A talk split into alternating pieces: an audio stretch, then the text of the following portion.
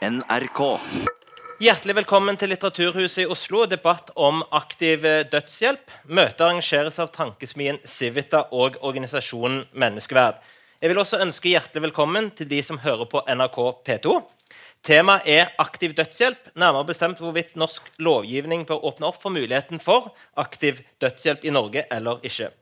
Hvilket rom ønsker vi at vi som samfunn eh, hvilket rom ønsker vi at personlig autonomi skal ha i vårt samfunn? Bør du som borger også kunne bestemme over din egen død? Og hvilke implikasjoner vil en endring av dagens lovgivning ha for helsevesenet? Og hvordan tenker vi at en legalisering av aktiv dødshjelp skal kunne gjennomføres i praksis? Dette er noen av de spørsmålene vi tenker å komme innom den neste snaue timen. Mitt navn er Eirik Løkke, og jeg er rådgiver i Tankesmien Civita og skal ha gleden av å være ordstyrer. Til å diskutere temaet har vi et utmerket panel. Eh, Mathilde Tybring-Gjedde, stortingsrepresentant for Høyre. Morten Horn, overlege og samfunnsdebattant. Amanda Skei, journalist i Dagbladet og nyutdanna filosof, har bl.a. skrevet om aktiv dødshjelp.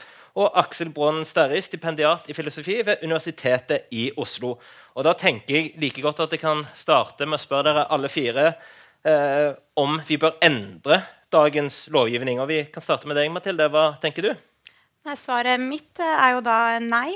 Eh, skal jeg begynne å fortelle litt hvorfor også? Du kan gjerne utdype litt, ja. det, kan jeg, det kan jeg gjerne gjøre. Jeg vil begynne med å si at det finnes enkelteksempler der aktiv dødshjelp kan sies å være det riktige for den enkelte. Det må jeg bare slå fast. Dette er en, det er en vanskelig etisk debatt av en, av en grunn.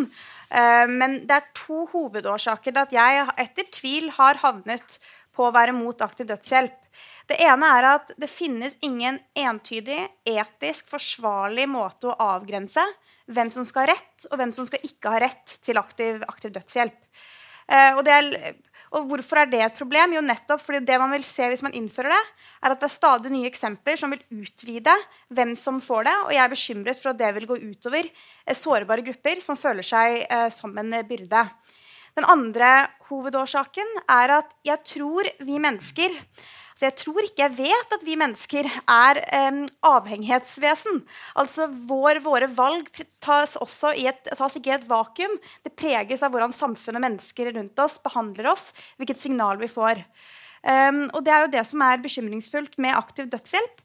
Nettopp det er noen grupper som oppfyller noen bestemte politiske vilkår, eh, som da får dette valget, mens andre ikke får det. Og Det mener jeg også er et ganske knusende signal å sende til noen grupper at vi kan forstå at akkurat du, med dine nye, endrede livsbetingelser, eh, ikke ønsker å leve. Og Det er kanskje det som jeg mener er, er hovedgrunnene. Og så er det ofte man trekker frem at også på en måte det mer etiske i at menneskeverdet er, eh, er absolutt og er ukrenkelig. Eh, det mener jeg også er et helt avgjørende argument. Men det viktigste er jo nettopp det at man ikke klarer å sette en, sette en grense. Og de er redd for at man etter hvert kan begynne å gradere menneskeverdet. At noen grupper vil, særlig eh, demente, psykisk syke, andre grupper vil oppleve det som en byrde. Aksel Braanen Sterri, hva tenker du? Bør vi endre dagens lovgivning? Det syns jeg åpenbart vi bør gjøre, og da i retning av nettopp det å legalisere eller regulere eh, aktiv dødshjelp. Og Mathilde sier det jo, sant, at det helt åpenbart finnes tilfeller hvor noen eh, lider så mye det ikke er noen utsikter til bedring, og de ønsker å dø som da burde fått eh, lov til å uh, få avsluttet livet sitt i en perfekt verden, vil uh, Mathilde si. Uh, det er jeg helt enig i, men jeg tror også at det er mulig å gjøre dette i den verden vi lever i. det er mange innvendinger, ikke sant? så Mathilde har allerede kommet inn på flere innvendinger mot aktiv dødshjelp. Jeg tror de fleste av de kan håndteres med en klok regulering. Ikke sant? Uh, man er enten redd for at uh, sårbare grupper skal føle seg presset til å ta aktiv dødshjelp. Ok, Det er det mulig å håndtere på litt ulike måter. For eksempel, bare for å ta et eksempel her, da, så kunne man hatt en uh, sant, som man uansett bør ha. Bør legen møte pasienten, og så kan man si ok, nå kan jeg helt fint nå avfeie denne søknaden, eller avvise denne søknaden her eh, på grunnlag av at du ikke lider utholdelig, eller at det ikke er noen utsikt til bedring. Så hvis det er faktisk du føler deg presset fra familien din, eller et eller annet sånt, så er det mulig å si nei på den bakgrunnen. Det er mange andre sånne typer reguleringer man kan gjøre, eh, men det gjør at det nettopp er mulig å få det beste av to verdener, kan du si. da, ikke sant? Det å la noen som lider utholdelig, har ingen utsikt til bedring, de er kanskje 80 år, 85 år, og tenker nå er jeg ferdig, jeg orker ikke mer av dette her, kan jeg være så snill få slippe? De skal få lov, få lov, til å slippe, men vi trenger nettopp en klok regulering for å sørge for at ikke de eh, bekymringene som Mathilde og andre har trukket opp, faktisk eh, blir eh, for tungtveiende. Morten Horn, eh, du er vel den eneste som jobber med dette som lege i, i panelet. her. Hva, hva, tenker du? Ja, jeg tenker at eh, Det er kanskje ikke tilfeldig her at her er det, har man valgt ut to liksom, dødshjelpsmotstandere som vi liksom blir rubrisert som. da. Og Den ene er en politiker, og den andre er en doktor. Og Det er jo de to gruppene i samme norske samfunnet og egentlig i de fleste samfunn i verden hvor dødshjelpsmotstandere er aller sterkest. Mange liker å tenke det som religion og sånne ting. Er humantek, som mange dere vet, og For meg er dette religiøse aspektet helt irrelevant. Men dette med, med, de som er aller mest kritiske til å innføre aktiv dødshjelp, det er de som enten er, skal bli satt til å håndheve det, eller de som har utakknemlig jobben med å, med å lage lovverket. Og Siden vi nå er på Civitas hjemmefront, så vil jeg si at eh, jeg var i Kristiansand en gang og snakket dødshjelp med Inge Lønning. Og Det, med å sitte var, det var, fantastisk å, å, sitte ved siden av han og høre han snakke hvordan en ekte lovgiver ser for seg det å takle det å lage en dødshjelpslov. Han var klok. Han er dessverre død. Men han var klok, og han skjønte at dette her ville være fryktelig vanskelig. Og det som, det som jeg kan si som doktor til det, er at jeg tror at mange doktorer, kanskje alle doktorer, tenker det at det hadde vært fint å hatt helt nederst i legekofferten et redskap vi kunne ta i bruk for mennesker som led uutholdelig. Jeg tror det er veldig, veldig, mange leger ser at det hadde vært bra. Og det andre jeg vil si er at Som moderne doktor i dag så er pasientens mulighet til selvbestemmelse det er, det er hele poenget med, med, med, å jobbe som doktor. Det å hjelpe folk med, med å ha styring over sitt eget liv. Så selvbestemmelse og autonomiargumentet er to veldig gode argumenter for aktiv dødshjelp. Men hvorfor er det da, når dette er så viktige ting for oss leger, jeg må si oss, for at det er klart flertall av leger som er eh, negative til legalisert dødshjelp, og for politikerne. Hvorfor er vi likevel negative til legalisering? Jo, Det handler om at det å lage en lov som skal klare å regulere dette på en god måte, på en entydig og på rettferdig og forsvarlig måte, det virker helt uoverkommelig. Og det er ingen eksempler fra verden at man har klart å gjøre det heller. Og det er ingen, ingen som har lagt fram heller i Norge noen, noen eh, løsninger som virker eh, brukbare. Vi kan sikkert si mer om det, men jeg vil bare si én ting som et eksempel på hva som er eh, problemet her. Nesten alle som snakker om aktiv de sier da at jo, men det må jo på en måte reguleres og kontrolleres på et vis. Vi kan ikke ha fullt frislipp. og Alle vil si at hun stakkars 18-åring med kjærlighetssorg hun skal selvsagt ikke få dødshjelp. og Det, det er mye sånn stråmannsargumentasjon som kommer inn i bildet. Men det, et, det fundamentale problemet, som særlig gjelder på en måte da liberalist argumentasjonen for aktiv dødshjelp, er hvordan har dere tenkt å forene dette samfunnets behov for kontroll med individets rett til selvbestemmelse. Og det, det slår meg når jeg møter på en måte sånn for liberalister i debatt. Da, på en måte Bekymrer ikke det over det at jeg som doktor skal sitte der og på en måte bestemme over en pasient om vedkommende skal få lov til å ta livet sitt eller ikke? Den paternalismen som ligger i det, å gi meg som doktor Enda jeg føler meg ganske kompetent til å ta vanskelige avgjørelser. Jeg står på intensiven på Ullevål og, og, og, bestemmer faktisk over liv og død. Det er ganske tunge avgjørelser jeg tar. Men det å ta et menneske og si at ja, jeg syns du skal få lov til å dø, eller nei, du lider ikke nok, den byrden der, den, den skjønner jeg ikke at dere har tillit til at jeg skal kunne påta meg.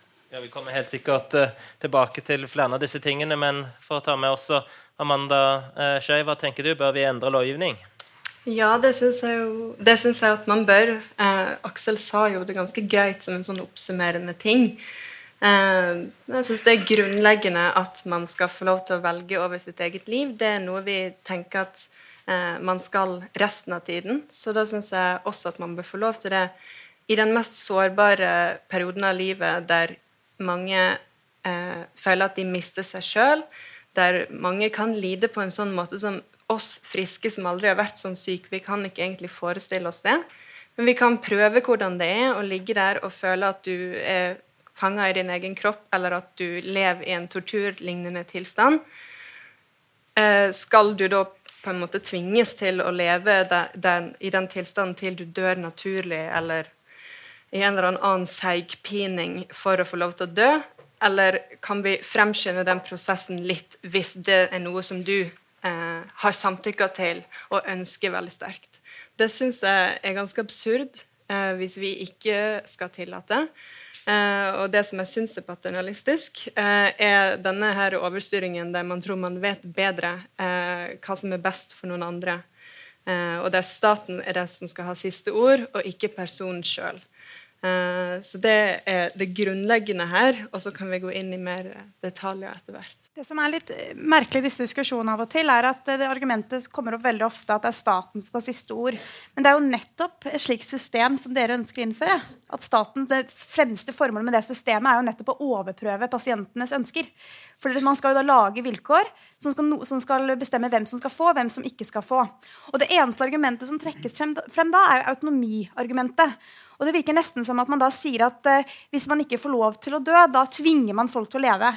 Hvis man skal følge den argumentasjonen helt ut, så bør egentlig alle ha den muligheten. Hvordan kan man da sette noen etiske begrensninger?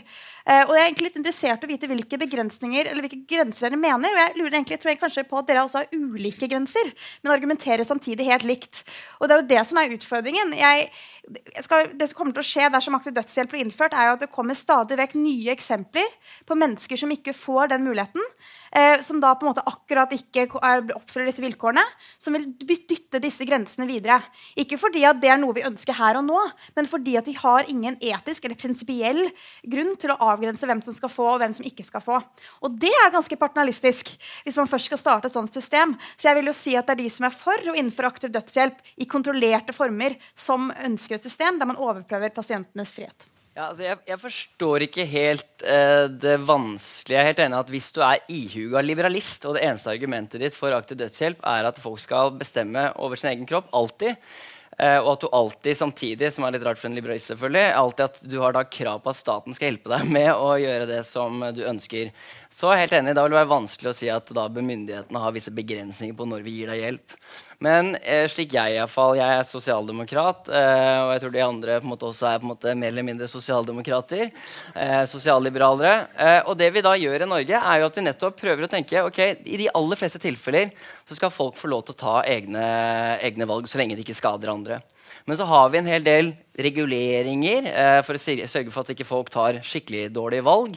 Eh, vi legger ulike begrensninger, og spesielt når samfunnet tilbyr noe, så tenker vi også, tar vi som samfunn også en egen vurdering av hva er det vi ønsker å tilby til eh, borgerne. Så jeg ser, ser, ikke at dette her er en sånn kjempevanskelig problem for de som ønsker å legalisere aktiv dødshjelp. At man da har to ulike hensyn som må veies opp mot hverandre. Eh, den enkeltes eh, ønske om å få lov til å dø, eh, og så samfunnets måte, sjekk på om dette tilfredsstiller tross alt de kriteriene som vi ønsker skal stille, som da nettopp er, eh, mener jeg, som er fra Nederland, da, som er at du må lide uutholdelig, at det ikke er noen utsikter til bedring, og at du har tatt et eh, veloverveid og eh, eget bestemt eh, valg om å ønske å, å ta livet ditt. Det er kriterier som er vanskelig å komme lenger inn på om dette er mulig å operasjonalisere. De har gjort det både i Belgia og Nederland, og vi kan diskutere de ulike modellene der. Men det er, sånn, det er for det første ikke umulig å gjøre det, selvfølgelig, siden vi har nettopp eksempler på at man gjør det allerede. Det er heller ikke slik at dette er umulig for en lege å vurdere om noen lider uutholdelig, eller om det er eh, du ikke har noen utsikter til bedring. Det er mulig. Det ble nevnt fra Silje at eh, det er vanskelig for psykisk sykdom. Det finnes mange tvilstilfeller når det kommer til, uh, kommer til uh, aktiv dødshjelp. Det kommer til sant, barn og uh, nettopp psykisk syke. er, er kjempevanskelige problemstillinger. Men når det kommer til du har en, kanskje en kreftsykdom, du er helt på slutten av livet ditt, du lider nettopp utholdig. Legen sier ja, jeg ser det, jeg også. Som Morten sier, jeg skulle gjerne da hatt ikke sant? De fleste leger tenker jeg skulle gjerne hatt da muligheten til det, men vi tør ikke gi dem det ansvaret. Jeg tenker, Dette er noe vi kan håndtere. Vi er et samfunn med enorm tillit til helsevesenet, og det er det god grunn til å ha. Spørsmålet kan vi greie å håndtere en slik eh, regulering. Det er jeg helt sikker på at vi får til. Men det kan vi gå mer inn på etterpå. Jeg synes Amanda sa noe fint i sted. Hun viste oss et bilde av denne pasienten som lå fanget i sin egen kropp og led i nesten torturlignende tilstand. Jeg tenker da på disse som satt fanget i Åsta, på Åsta-ulykken. dere som husker det, Den togulykken hvor noen brant opp. tror jeg. jeg tror de ble, det var, sånn, det var nærmest at de brant opp inni i toget. der, Forferdelig. Og Når man tenker oss en sånn pasient, hvem er det som ikke tenker at de skulle ha, kunne gitt dødshjelp da? Men spørsmålet var finnes de pasientene? Og der er det jo at vi i helsevesenet sier at det bildet av den pasienten der, det er jo ikke, så, det er jo ikke, det er ikke sånn det er. Eh, vi har noen pasienter som virkelig har fanget i sin egen kropp. og det, Den mest ultimate det, Jeg tipper at mange her har hørt om 'Dykkerklokken' og 'Sommerfuglen', den filmen eller boka om han som fikk hjerneslag og bare kunne kommunisere med å flytte blikket. Jeg har møtt noen sånne pasienter, og det er alltid veldig spesielt når du kommer til en som ser ut som han er komatøs, og så ber du ham flytte blikket opp, og så ser du jøss, yes, det er et helt levende, våkent menneske inne bak der. Det rare med de menneskene Det er gjort en studie av en svært materiale på kanskje 50 sånne pasienter. Og den Forfatterne kalte artikkelen for 'Happy majority, miserable minority'. Så To tredjedeler av mennesker som lever i en sånn tilstand, de sier til forskerne når de kommer og snakker med dem da, ved hjelp av øyebevegelser jeg har det egentlig bra sånn jeg har det nå. Jeg vil, jeg vil, ha mer av dette. Jeg vil ikke dø selv om jeg har det sånn jeg har det. Eh, og det er, det er, Du sa det at hvem kan på en måte tenke seg hvordan de har det. Men vi som faktisk Jeg må, jeg må bare si det sånn, jeg bruker da legeargumentet, men altså det, det er jo derfor veldig mange leger er kritiske til dette med dødshjelp. Fordi vi føler at sannheten er jo ikke at disse pasientene som lider så mye, at det er de som ber om dødshjelp. I Oregon har man sett på det. Oregon er jo liksom en av de store modellene for dødshjelp. Og der har vi faktisk sett at De som får dødshjelp i Oregon, de, er, de bedømmes å lide mindre enn pasienter med samme diagnose som ikke ber om dødshjelp. Så lidelse er på en måte Alle skjønner at lidelse bør kunne gi dødshjelp. Det er bare at det er ikke det som gjelder for pasientene. Og når det gjelder mennesker som virkelig lider, så har vi jo faktisk, heldigvis, veldig gode metoder for palliasjon. Så kan man si at ok, det er ikke alle som kan hjelpes. Nei, det er ikke alle som kan hjelpes. det er jo ikke det, Men vi gjør hva vi kan. Og det er veldig undervurdert i befolkningen hva vi faktisk kan få til. Og det gjelder ikke bare medikamenter mot smerte. Det gjelder like mye eksistensiell lidelse det, håpløshetsfølelsen som dominerer pasienter som ber en dødshjelp. det er Håpløshet og ensomhet og depresjon er de viktigste kjennetegnene. Og når det gjelder det å, å lindre de eksistensielle symptomene, da er det ikke bare jeg og vi på, på sykehuset som kan hjelpe. Da kan alle dere være med å hjelpe. Og her har dere måte, et valg som medmennesker. Da. Skal dere prioritere i deres liv det som gir dere akkurat der og da glede og mening? Eller skal de bruke kreftene deres på å hjelpe de som lider, og som trenger det der og da? Det er samfunnsvalg vi har. Og vi kan velge selvfølgelig en vei hvor de som lider, blir eliminert og ikke lenger ligger oss til byrde. Jeg syns at vi skal velge en vei hvor, hvor, det er lov å være til byrde, lov å være en belastning, lov å være en pest og en plage for den saks skyld. Fordi at vi setter sånn pris på dette med mennesket. Ikke det kristne menneskeverd, men det humanistiske. Dette med, med at vi, Du sa vi var avhengige, så tror jeg. At vi, vi, er avhengige av hverandre. Vi henger sammen. Og det at noen er veldig syke og, og belastet, krever mye en periode, det er ikke nok til at vi vil gi dem opp. Ja, nei, Det er veldig mye merkelige premisser som blir lagt til grunn her, syns jeg. Og jeg syns jo at det er utrolig flott, selvfølgelig, hvis at behandling kan fungere, og at eh, folk har lyst til å leve. Det er jo flott, og de aller færreste har jo lyst til å dø. Det er en ganske liten prosentandel av de døende i Nederland som benytter seg av aktiv dødshjelp, og de aller flere, altså, i hvert fall halvparten av de forespørslene blir sagt nei til. Eh, men det gjelder jo ikke alle, og det er jo det. Altså, om det så bare er én, så syns jeg det er feil at vi ikke skal la Hvis det er en person som faktisk eh, utfyller de kravene som jeg er enig med Aksel i mye av det, eh, at vi da Hvilket krav tenker du da? Skal du skal ha uutholdelig lidelse, at du er kompetent, at det ikke er uh, utsikt til forbedring. Og jeg tenker også det at du gjerne er døende, da. Uh, I hvert fall. Uh, da syns ikke jeg det er greit at vi ikke lar de få lov til å slippe ut av denne tilstanden. Og det handler jo ikke om at vi skal kvitte oss med noen. Altså det er Sånne der måter å snakke på det syns jeg er umyndiggjørende overfor de som faktisk ønsker dette her sjøl. Eh, de har eh, lyst til å dø, fordi døden for de er ikke et onde. Fordi de har ikke noe fremtid, syns de sjøl. De har ikke lyst til å leve på denne måten. Og det er det, som er frustrerende. Altså, I Nederland syns de det er like absurd sånn som vi holder på her. Uh, ja, jeg tror at det hadde blitt et bedre samfunn hvis man faktisk kunne hatt uh, valgfrihet også på slutten. Mm. Morten, så Aksel og så Mathilde. Altså, hva, hva, er det egentlig vi snakker om? Nå snakket vi om, om mennesker som altså var, både var døende og led utholdelig, men samtidig som var kompetente. Jeg snakket i sted om altså, hva jeg hadde nederst i doktorkofferten min. Men de menneskene som, på en måte, som jeg tror veldig mange leger, og jeg tror faktisk også mange av dere egentlig tenker på, det er disse som lider veldig veldig ille ved slutten av livet. Jeg tror mange har hatt, vært pårørende og, og hatt vonde erfaringer. Fordi vi har altfor dårlig dødsomsorg i Norge. Dessverre. Vi har altfor dårlig utbygget. Det er jo din skyld, holdt jeg på å si. Men, eh, eh, men, men, men, det er også på en måte dere unge og spreke som på en måte forlanger å få ytelser til det som er bra for dere, og som ikke på en måte tenker langt nok fram at det kommer en dag hvor dere ligger for døden og trenger at vi har et ordentlig palliativt helsetilbud. Dere kunne gjort mye mye mer for de døende menneskene hvis dere virkelig ønsket og var villige til å ofre litt for det.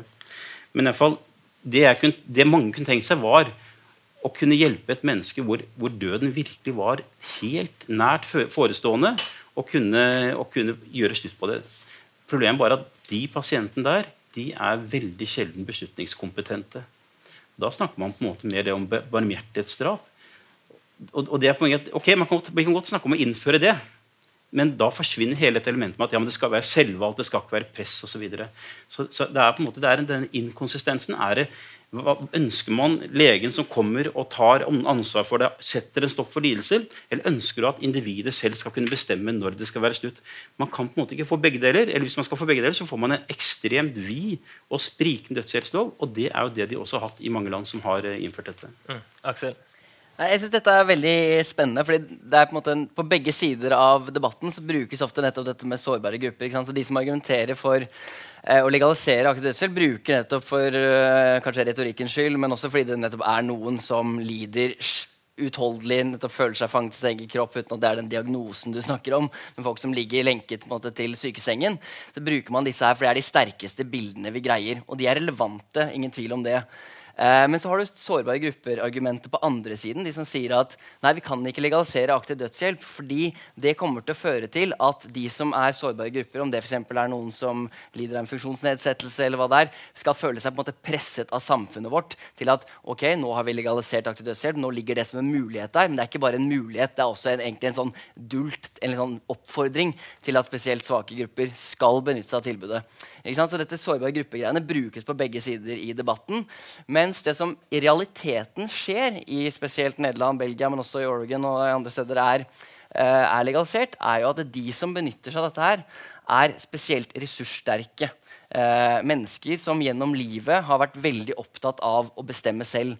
Ikke folk som har en eh, trening i eller er vant til å motta hjelp for å måte, fungere i hverdagen. Dette er folk som kanskje meg og Amanda, eller kanskje alle vi som sitter her, som måte, har en veldig sterk følelse av at eh, jeg eh, bestemmer mitt eget liv, min egen ferd i livet, og har en tanke kanskje om hvordan dette livet skal se ut. Og når det da kommer på slutten av livet, det er ikke noe igjen. det er Legen sier vi har ikke noe å hjelpe deg med. Nå er det bare sykesengen framover. De etter sine egne vurderinger så lider de utholdelig. Eh, og de bare tenker 'jeg orker ikke dette her lenger'. 'Jeg orker ikke være i dette livet'. Det er ikke det som var den planen jeg hadde for det.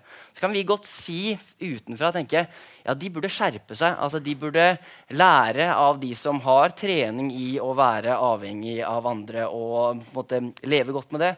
Men for dem så er det, en, en skrekk, det, er det et skrekkscenario. De anser det som tortur. Og da er det spørsmålet, Hvis de ikke har noen andre måter å løse dette på, bør vi som samfunn si nei, beklager, dere må dessverre fortsette å leve det livet dere ikke har lyst til å leve. Og det syns jeg er ganske barbarisk. Jeg synes, ærlig talt det, det er et sterkt ord, men jeg syns det er ganske forferdelig å tenke på at noen som ikke kan unnslippe livet, og syns det er helt forferdelig og ikke orker mer, ikke skal få lov til å få en vei ut. Jeg synes det. Mm? Jeg tror jo alle er enig i at uh, for det å ha en utholdelig lidelse det vil være ufattelig subjektivt. Men så er det slik at det er ingen i dette panelet som ønsker en uh, lov som skal være subjektiv. Alle ønsker å ha noen objektive kriterier. Det er noen som skal overprøve eller vurdere hvorvidt det er utholdelig lidelse. Så hvis det er barbarisk å ikke få den muligheten, ja, da er det nettopp det dere også kommer til å innføre dersom dere setter begrensninger. Dersom dere mener at ikke et sterkt dødsønske er nok. Uh, hvis man f.eks. stiller krav om at det en, det skal være en fysisk terminal sykdom, sykdom. Ok, hvor mange måneder skal du ha igjen å leve for at du skal da få innvilget? Seks måneder? Syv måneder? Hvorfor er det en grense der? Dersom autonomi er det mest vesentlige argumentet. Uh, og de, de liksom, vilkårene som trekkes frem, er jo veldig skjønnsmessig. Det går ikke an å se bort fra det. Enten det er ikke til, ja, du ikke har noen eh, utsikter for bedring. Det kan være veldig mye demens, ALS altså alt, det, kan, det, er mange, mange, diagnoser du kan få som ikke har eh, hensikt til forbedring, men du kan fortsatt leve en del år. Um, og igjen, hvis argumentet hovedsakelig, og jeg har ikke egentlig opplevd at dere har kommet med så mange andre avveininger Hvis argumentet er autonomi, så er den begrensningen vanskelig. Og så vil jeg egentlig bare nevne dette med at Vi snakker ofte om press for sårbare grupper. Og det kan man på en måte overprøve, at en lege kan forstå dersom en kommer til en og ikke ønsker det reelt. Det er ikke jeg så bekymret for. Jeg tror ikke det kommer til å være psykisk eller fysisk tvang som gjør at en eldre på et sykehjem eventuelt øh, ønsker, ønsker å dø.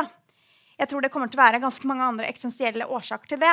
Nettopp at man er ensom, eh, at man er avhengig, og at det er skambelagt i det norske samfunnet eller i hvert samfunn eh, å være avhengig av andre, å være kjørbar og, være, ikke kunne produsere eller være um, selvstendig. Og den, den, skammen rundt det den, den, tror jeg ikke kommer til å endre seg med det første. Men det ut, utfordringen er jo det øyeblikket man skal innføre såpass kjønnsmessige vilkår for å da få mulighet til å dø.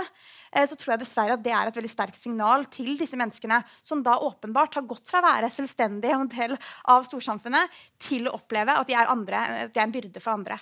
Og alle mennesker er en byrde for andre noen, i noen deler av vårt liv. Eh, det er vi når vi er barn når vi er eldre. Men det, ikke, det, skal ikke være en skam i det. Og hvis man begynner med dødshjelp, så anerkjenner man egentlig den skammen også. Ja, Aksel, Morten og så Amanda. Ja, altså For det første så er det spørsmålet jeg nettopp sier at det er barbarisk da, hvis du eh, absolutt ønsker å avslutte livet og, lide, og du lider utholdelig. Og så sier Mathilde jo, men det må jo skje også i din modell, hvor det nettopp er noen vi sier nei til. Og det tenker jeg, ja, det vil jeg akseptere. Det er noen som dessverre måte, skulle kvalifisert, burde kvalifisert for å få lov til å avslutte livet sitt. Men de kommer ikke til å få det selv med min modell. Men det er jo ikke det vi, det er ikke sånn at da vi er, å ja, da vi står vi like dårlig stilt. For det er jo tross alt eh, Mathilde vil jo nekte mange mange flere som nettopp burde kvalifisere for eh, dødshjelp. Så det er bare spørsmål. Det vi prøver på, er jo å finne den optimale modellen. Hvor egentlig idealet vårt er at alle de som lever liv som er eh, utholdelige, eh, hvor de selv ønsker å dø, og det nettopp ikke er noe utsikt til bedring, de burde få kvalifisert for eh, dødshjelp. Det er det vi ønsker å få til. Og de som ikke gjør det, ikke tilfredsstiller de burde ikke få det. Og så er vi selvfølgelig, det er skjønnsmessig, det er mennesker som må ta disse vurderingene. Og de kommer til å gjøre feil. Men spørsmålet er hvordan bør vi, hvordan bør vi bomme? Bør vi bomme ved å si nei, da får ingen lov? Da bommer vi jo masse. Eller skal vi bomme ved å prøve ha kompetente fagpersoner som prøver å vurdere om man lever opp til disse kriteriene? Det virker for meg som en mye mer fornuftig greie enn å si at ingen må få lov til det. Eventuelt at alle må få lov til det, for da bommer vi begge steder. Ja, du skal få 30 sekunder, Mathilde. Og så bare et spørsmål videre på veien her, som sikkert mange liberale og folk på høyresiden tenker at eh, det er jo, Hvis man legger personlig autonomi til grunn, så er det jo alltid bevisbyrden bør være på de som vil overprøve eh, dette. Eh, hva tenker du om, om, om det argumentet? Så nå, det som Aksel nå sier, er jo egentlig at uh, aktiv dødshjelp er på en måte et eh, ubegrensa gode. Uh, og det, liksom, det, er på en måte det premisset som legges til grunn. og Derfor så bør egentlig alle få, men allikevel setter vi noen begrensninger som jeg egentlig ikke forstår hvorfor du gjør. hvis du mener at det er et gode. Uh, fordi at på en måte det, autonomi er det eneste uh, viktige. Jeg mener, at, jeg mener, at, man kan respektere menneskeverd til mennesker på ulik vis. Autonomi er veldig viktig for å ha et verdig liv. Det å bli behandlet, eh, å få valgfrihet, det å kunne ta avgjørelser, det å bli hørt. Autonomi er helt grunnleggende helsetjenesten. Det er jo nettopp derfor du kan for si nei til eh, altså mer behandling, slik at du eventuelt dør av din grunnsykdom. Men det man egentlig her gjør, er at man sier til en person, at det sier til noen mennesker at, eh, du ta, at, du skal få mulighet til å kunne avslutte ditt eget liv. Fordi vi som storsamfunn kan forstå at nå er du i en situasjon der ditt liv ikke lenger er verdt å leve. Og jeg tror at Menneskelivet kan, består av så mye mer. Menneskelivet består av avhengighet, det består av sårbarhet, det består av dødelighet. Og vi er i ulike faser. Men det å skulle si at man skal avslutte liksom, eksistensgrunnlaget, det som gjør at man eksisterer, eh, på bakgrunn av noen politisk bestemte vilkår, og storsamfunnet anerkjenner det, det er det signalet jeg er redd for å sende. Mm, Morten? Ja, Dere kommer begge fra Dagbladet, men det virker som dere ikke har snakket så mye sammen på forhånd. fordi Dere snakker altså både om dødshjelp som skal bare gjelde noen veldig få, og så plutselig er det alle. Og det er den, det er den der, jeg skjønner egentlig ikke, hva er, det, hva er det dere virkelig ønsker her? Er det å hjelpe de som lider håpløst? Og det er en veldig liten gruppe. altså. Det er en veldig liten gruppe som vi ikke kan hjelpe, men de finnes kanskje, ja. Men det er en fryktelig liten gruppe. Eller er det individets generelle rett til å ta skjeen i egen hånd og bestemme nå synes jeg at jeg har fått nok. Og hvis det, hvis det er det siste, da, så vil jeg si at eh, Du kalte det barbarisk. Jeg vet ikke om jeg syns det er barbarisk. altså Det at man skal leve et liv, og så dør man. Altså jeg, jeg, klarer ikke å skjønne at barbarisk er Det synes jeg er en merkelig retorikk. Og det, det, stemmer ikke med hvordan døende mennesker har det i Norge i dag. At det er barbarisk. Det, det, tenke på gamle mennesker høre sånne ting. altså Hva skal de frykte? Men, men, men det jeg syns er at jeg synes det er sabla vanskelig, det som du skisserer. At jeg skal sitte og si til en pasient at nei, vi har nå fått en lov hvor noen får dødshjelp, men du syns jeg ikke kvalifiserer. Det er ikke fordi at loven sier at du har ikke så og så mange centimeter eller så og så mange millimeter eller så og så mange i, CRP. Det er fordi at loven har lagt opp til at jeg som doktor, eller kanskje en kollega, kanskje to til, skal gjøre en skjønnsmessig vurdering av om vi syns at du burde kvalifisere eller ikke.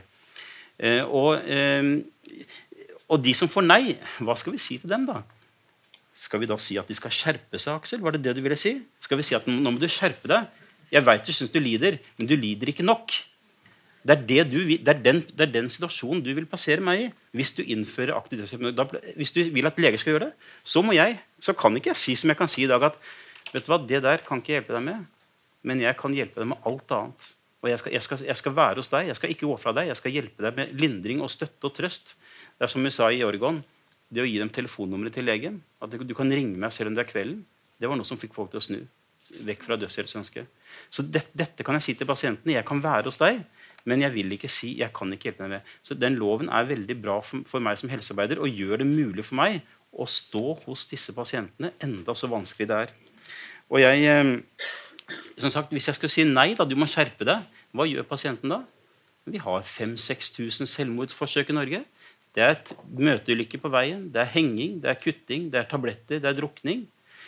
De som, de som, får nei, hva skal de gjøre, Aksel? Skal, skal, de da gå ut av legekontoret og si at jeg var ikke, jeg var ikke verdig nok til å få døden, en verdig død? Nabopasienten fikk en skånsom død med en sprøyte som legen ga, med full omsorg. Andrepasienten må gå ut og må klare seg sjøl. Jeg skjønner ikke, jeg syns det er barbarisk, altså, hvis jeg skal si min mening. Mm. For nye lyttere så hører du nå på P2, på programmet Debatt i P2, hvor vi diskuterer aktiv dødshjelp fra Litteraturhuset i Oslo. Eh, Amanda, du ba om ordet. Ja, nei, Du spurte om meg og Aksel har snakka sammen på forhånd. Vi mener jo ikke akkurat det samme, selv om vi har det overordnede synet at man skal få lov til å bestemme over sitt eget liv også på slutten av livet. Jeg tror vi er ganske uenige om altså Han har litt mer sånn at enda flere grupper kan få lov osv. Men jeg syns vi må kunne diskutere dette spørsmålet uten at det liksom går helt eh, bort i dette tekniske greiene på akkurat hvordan nivå skal det være. Altså, Jeg har i min masteroppgave om dette her hovedsakelig eh, fokusert på alt det andre. Og så er jeg litt sånn vet du hva, Hvis dette her blir en faktisk ordentlig debatt, hvis folket faktisk krever sånn på samme måten som abort Nå må vi få lov til å bestemme over vår egen kropp, også på slutten av livet. vet du hva, Da håper jeg at eh, vi setter i gang en ordentlig liksom, politisk prosess, der vi finner ut på en demokratisk måte hvordan vil vi at dette skal gjøres. Vi kan komme med små eh, justeringer osv. Jeg syns vi bør begynne med noe som er veldig strengt, som kan minne om Oregon-modellen, der det ikke har sklidd ut basically i det hele tatt, men der det også er litt for få som har muligheten, mener jeg. Eh, men så syns jeg vi skal ta det derfra. Og ja, og jeg synes Nå går vi veldig mye inn på at det, dere mener jo at aktiv dødshjelp på en måte hovedsakelig ikke er et gode. Og så skal dere prøve å ta oss på en sånn retorisk måte sånn Ja, men hva med de andre, og hva med de, og hva med de? Vel, vi sier at noen bør få den muligheten, og så er det litt sånn eh, ja, Dette diskrimineringsargumentet det er liksom en måte å bare fange oss på en eller annen måte, men eh, jeg mener at uh, basically folk skal få lov. Mm. Ja. ja. Nå ser jeg alle har bedt om ordet, og alle skal få ordet også, men jeg har lyst til å komme litt inn på erfaringene fra andre land. Det har vært litt sånn stykkevis eh, innom det. og jeg kan jo starte med deg, Aksel. Har du en modell, altså Du nevnte Oregon, vi vet at Nederland og Belgia, Canada har vel også åpnet for det. Er det noen modeller der som, har, som, du mener vi har gode erfaringer fra, som vi kan bygge? Og hva er i så fall innholdet i disse modellene? Ja, Jeg vil gjerne få svart også på Ja, Du kan gjøre det først, da, og så kan du ja, eh, bare ta dette spørsmålet. Jeg skjønner at det, det å tillate aktiv dødshjelp det gir en ny rolle til doktoren. Eh, så legen får en vanskeligere jobb, eh, kan man si. Men det er ikke slik at det blir mer urettferdig for folk. For det sier seg, Her sier Morten at uh, ok, hva skal, hva skal, du si til de som ikke får lov? Uh, de, tar jo, de tar kanskje selvmord da, utenfor uh, dette systemet. Men det er jo, i dag sier vi nei til alle som har lyst til dette. her. Så det er på en måte ikke, dette er ikke en forbedring i din modell kontra min. Det er bare verre. Det er mange som ønsker seg dette tilbudet, men som i dag ikke har sjanse i det hele tatt. Med dette tilbudet som eh, vi foreslår, så vil det være flere Vet du flere hvor mange som egentlig ønsker dette? Ja? Det, er det vet vi jo ikke i Norge. ikke sant? Fordi Du sa at det er mange som ønsker seg det. Jo, ikke sant? Det er det grunn til å tro. hvis vi okay. ser det, det kan vi komme til sant, bak til Ja. når vi snakker om Nederland. og sånn, ikke sant?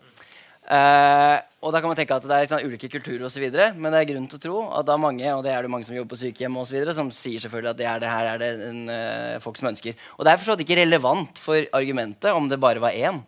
Eller om det var to eller tre eller ti eller tusen. Hvis det er mange her, så vil det være flere som får muligheten til dette her under vår modell enn under modellen til både Morten og Mathilde, som tross alt er å si nei til alle, som da ikke er en forbedring på de premissene som du legger til grunn. Når det kommer til hvilken modell som jeg vil ønske man foreslår, så den, eh, har den de samme kriteriene som det man har i eh, Nederland og Belgia, som nettopp er som jeg har nevnt flere ganger, som handler om de grunnleggende tre kriteriene om at du må lide utholdelig, det er ingen utsikt til bedring, og du må ta et kompetent, kompetent valg. Det er de tre som ligger til grunn. Eh, det jeg ikke ønsker meg fra den nederlandske modellen, eh, som det har vært mye prat om, er f.eks. muligheten for såkalt doktorshopping. Og det tror jeg ikke vi ville ønske å få i Norge. At det blir en modell hvor det er sånn ok, du ønsker å få tatt, eh, å få tatt livet ditt. Så kan du f.eks. gå til én doktor, eh, et legekontor, hva det skal være, og få muligheten til dette her. Eh, og så sier noen nei. Eh, beklager, du tilfredsstiller ikke disse kriteriene her. Og så sier du ok, men jeg vet om noen mer liberale leger et annet sted. Så går du til de isteden, og så kan du få ja der. Eller så får du nei også der. Og så vil det alltid foregå en sånn runddans. Og man kunne tenke seg den verste modellen her, som er hvor du driver stykkprisfinansiering fra staten til noen private tilbydere, sånn at du på en måte kan tjene penger som privat tilbyder på å være den mest liberale legen.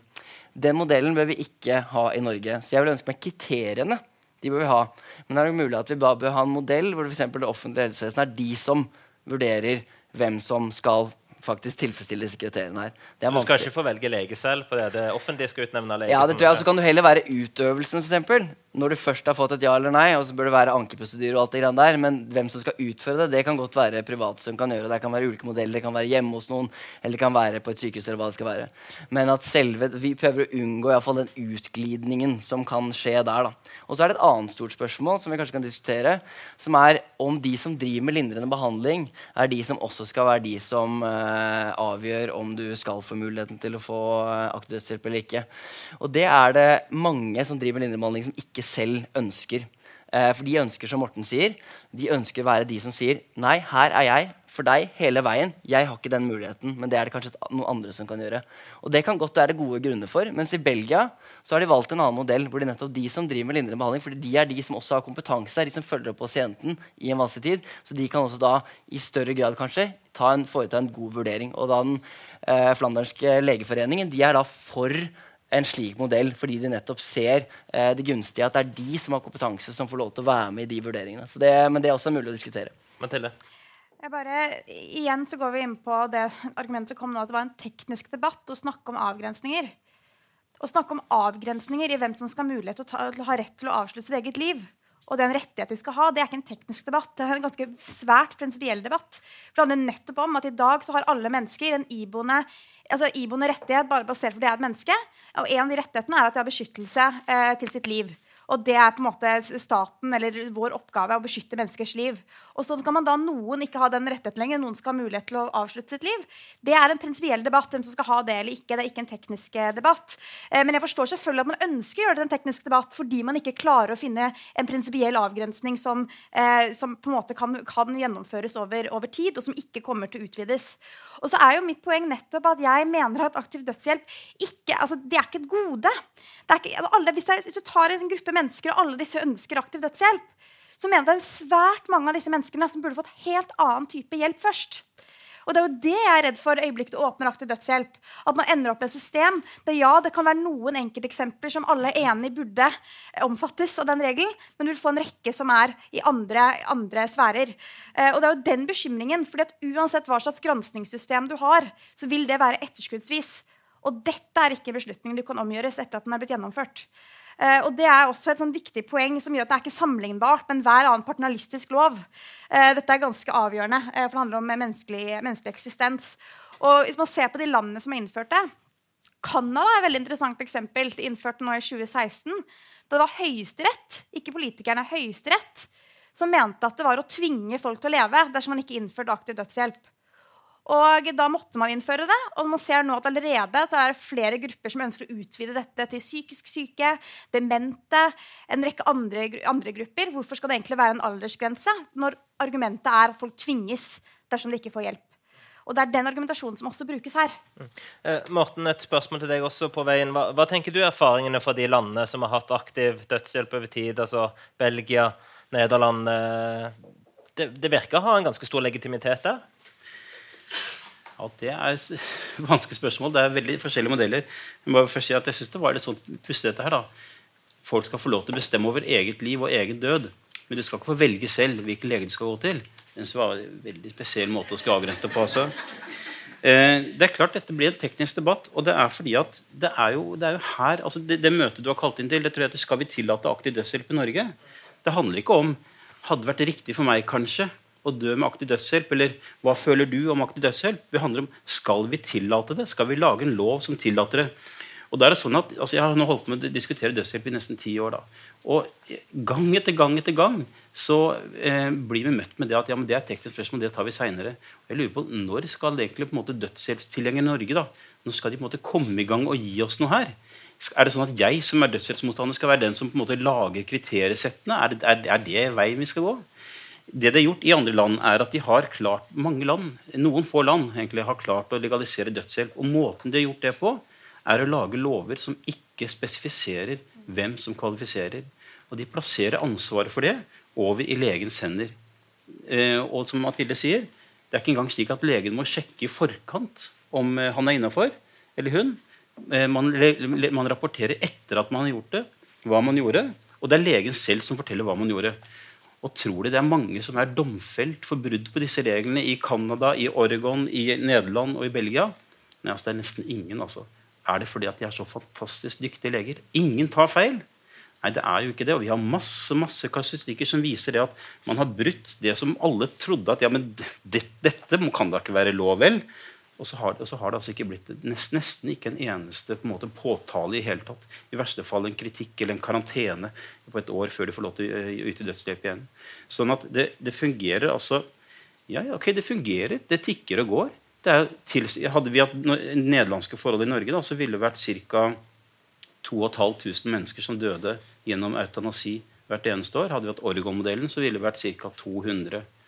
Eh, I disse landene så tikker det går. altså Noen får innvilget det. Halvparten omtrent i Nederland. I eh, Oregon så er det bare én av ti som får innvilget dødshjelp, som ber om det. Og da, Det som jeg føler at, det som jeg trenger fra dere, da, jeg som er doktor ikke sant? Det jeg trenger fra dere som vil ha dette her, jeg trenger en veiledning. Hva skal jeg svare til pasienter som kommer og ber om dødshjelp? Dere kan godt si at ja, ja, noen ganger så går du til legen og spør om det, du får nei, andre ganger får du ja. Men, men det, de, det, det, de, sier til meg, er at for meg som individ så er ikke livet nå verdt å leve.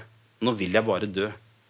Samme hva som er årsaken, men inni meg så er det ikke lenger vilje til å leve. Det føles håpløst og meningsløst. Og hva slags kriterier har det tenkt å gi meg for at jeg skal svare ja eller nei? Skal jeg se på hvor gammel du er? Skal jeg se på om du har en diagnose? Hvilke diagnoser skal det være? Skal jeg bruke sånn ECOG, som er sånn der funksjonsnivå for kreftsyke?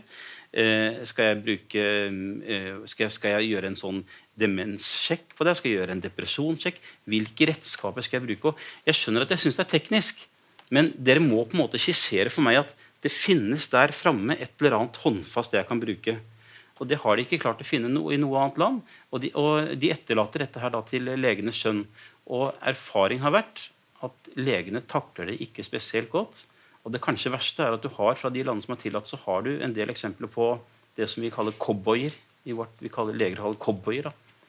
Leger som på en måte mangler grenser, og som står bak 50, 100, 500. Hun, hun Erika Preissig, som var i, i, Den siste reisen, den Brennpunkt-dokumentaren. 500 dødsheltstilfeller har hun har stått bak i, i Sveits. Du har mennesker som, og, og, som det ikke er mulig å ramme. Fordi at lovverket er utformet slik at det går ikke an å ta legene. Og i, nå skal jeg slutte med bare, I Canada så står det i loven at hvis legen har brutt loven, men han gjorde det i god tro, så skal han ikke straffes. Dette er lover som beskytter leger som gjør feil. Eh, og staten gir dem, sanksjonerer dette her. Mm. Amanda, så ja. eh, tenkte egentlig å snakke om noe annet, men bare sånn, I Nederland i 2017, av de innrapporterte tilfellene av aktiv dødshjelp, så er altså 99,8% innenfor det som er de vedtatte reglene der. Så jeg tror det er litt overdrevet at vi tolker disse forskningsresultatene og det som faktisk skjer, på litt forskjellig måte. Så sier du at uh, det er en prinsipiell debatt. Det, om, uh, det kan godt være at det er litt prinsipielt, men det som er prinsipielt, er dette med menneskeverd. Og det drar du inn og sier at vi som er her, vi er ikke så opptatt av menneskeverd. Og det synes jeg er ja, Det er veldig feil. da. Menneskeverd betyr eh, basically det at alle mennesker har en grunnleggende verdi. At alle har denne indre samme høye statusen. Og Det er ikke sånn at meg og Aksel ikke mener det, eller at de aller fleste er enige om det. Det er helt eh, grunnleggende for den liberale rettsstaten. Eh, og Så har man ulike tolkninger av hva vil dette si det at vi alle sammen har menneskeverd. Dere eh, går litt på den der, eh, retten til et liv, og at livet er hellig, og det betyr på en måte konsekvent at vi aldri kan ta et liv. Dette er da en prinsipiell debatt. Eh, mens eh, mens eh, meg og Aksel vil da mene at konsekvensen av det at vi alle har denne høye moralske statusen, det er det at vi må få lov til å bestemme over vårt eget liv uansett. Altså denne autonomien. Um, ja. Um, og så mener jeg at dette er riktig i prinsippet, og da må vi finne en løsning for det. Så har jeg gått skissert noen ting, men Aksel og Ole Martin Moen de lager faktisk en bok nå der de prøver å gå konkret inn i det. Så vi kan prøve å svare dere på det. Men det jeg syns er liksom merkelig, er at jeg syns dere kan på en måte innrømme at dere syns at det er viktigere å på en måte hindre dette her uh, ideen om, at, om et slags sånn menneskeverd som dere har, da. Uh, og derfor skal dere ikke la folk få lov til å bestemme over seg sjøl. For det er liksom, den rent prinsipielle debatten. Hvordan kan dere forsvare det? Mm. Ja, Aksel tenner seg for en stund siden, så skal Morten få også, Mathilde. Ja, jeg må innrømme at jeg synes det er litt sånn frustrerende. Eh, for jeg føler jo nettopp at jeg har prøvd å skissere opp eh, noen grunnkriterier her. Eh, og også sett på noen måte, mer inn i måte, hvordan skulle dette implementeres. Og så les, le, les det litt bort. Sånn, hvordan går det an å være for at folk skal få lov til å i, under visse omstendigheter få lov til å få avslutte livet sitt? Eh, for det er, jo, det er, jo, en liberalistisk idé eh, når man ikke får lov til å måte, velge sin egen lege. Så, nei, det er alltid avveininger som foretas. Og jeg føler at man må ta mer på alvor. Jeg føler noen ganger at, Morten, at du diskuterer på en måte mot en, en eller annen motstander som egentlig ikke er her. Jeg har prøvd å finne da, det jeg vil kalle et sosialliberalt eller sosialdemokratisk alternativ i midten her, hvor vi nettopp vekter eh, hensynet til en selvbestemmelse, og i de ekstreme tilfellene får lov til å få gå ut av dette livet når du ikke orker mer, men med at myndighetene og legene har en form for kontroll på dette her. Og det du ber om, jeg tror du egentlig ber om noe som er umulig å gi. Uh, for du ber om ok, hva skal jeg som enkelt lege Jeg skal ha en helt perfekt manual for å kunne vurdere i hvert enkelt tilfelle. Men det er, det er, det er umulig. Og spørsmålet er hvis ikke vi kan få til det, bør vi da si nei til alle som skulle ønske å, å be om å, å få lov til å avslutte livet? Det tenker ikke jeg. for Vi kan ikke lete etter den perfekte modellen. Vi må finne den beste modellen vi greier å få til. Og da tror jeg nettopp Vi kommer ikke utenom at leger må foreta en viss skjønnsmessig vurdering av om de vilkårene er innfridd. Men merk, det er ikke slik at vi på en måte gir leger myndigheten til å si at ok, du eh, en, ikke lever et eh, verdig nok liv, eller noe sånt, som Mathilde har vært inne på, men heller egentlig ikke om eh, når noen skal dø eller ikke. Det vi egentlig ber legene om å gjøre, er å ta en Du kunne på en måte sett for deg en robot som foretok vurderingen. Er dette utholdelig lidelse? Er det eh, mulighet for forbedring? Er det en, en, kompetent beslutning som er foretatt? Tikk, tikk, tikk. Hvis de tre kriteriene er innfridd, så skal du automatisk få tilgang på eh, aktiv dødshjelp. Du trenger ikke bruke den, men da har du fått det. Og det er interessant å merke seg, I Oregon så er det en tredjedel av de som eh, får muligheten til å ta, um, få motta aktiv dødshjelp, de bruker den ikke. For de bare syns det er viktig for dem å ha muligheten. Og det gjør livet deres mye enklere å leve. Så det er heller ikke alltid en uh, motsetning uh, mellom det å motta disse tingene og det å bruke dem. Ja, vi går raskt mot slutten, her, men det er et spørsmål jeg har lyst til å stille deg, uh, Morten, siden du er, du er, lege her. Og det er jo, det, Man kan jo få sånne tanker om at hvis man skulle innføre en form for det her, at du kan få en sånn ny reservasjonsstrid, kunne man ikke sagt sånn at de leger som er veldig imot det her, ja, de kan få reservere seg, og så kan de legene som syns at det er helt greit, slik som de gjør i Belgia og Nederland, få lov til å, å, å, å utføre aktiv dødshjelp? Ja. Jeg har bare en sånn ekte replikk til okay. Amanda. For det, det, var den, for det, det, var bare at i, i, Nederland så vet vi det at det er bare 80% av tilfellene som rapporteres. Minst 20% rapporteres ikke. Og de som ikke rapporteres, det er typisk tilfeller som ikke lever opp til reglene. Og i tillegg så har Nederland gjort heldigvis grundige undersøkelser. Og de har en svær kategori hvor man bruker lindrende studering på en måte som antagelig er en form for slow euthanasia. Eh, som går utenfor kriteriene. Men dette her med reservasjonsretten det synes jeg er en veldig viktig sak. Altså, vi vet jo i Norge hva vi syns om at leger holder seg for gode til å yte helsetjenester til, som, som, unge kvinner har krav på. Det er ingen som er i tvil om hva vi mener om det i Norge. ikke sant? F.eks. det at en jente skal måtte ta bussen fra Rauland inn til storbyen for å få en abort, eller for å få en spiral, det er noe som vi, vi i Norge ikke kan godta. Men skal vi altså kunne godta det, at du har en pasient som ligger i Tysfjord som er døende av kreft. Og så er det dessverre slik at I Tysfjord er det tre kommuneleger, og ingen av de er villige til å gi aktiv dødshjelp.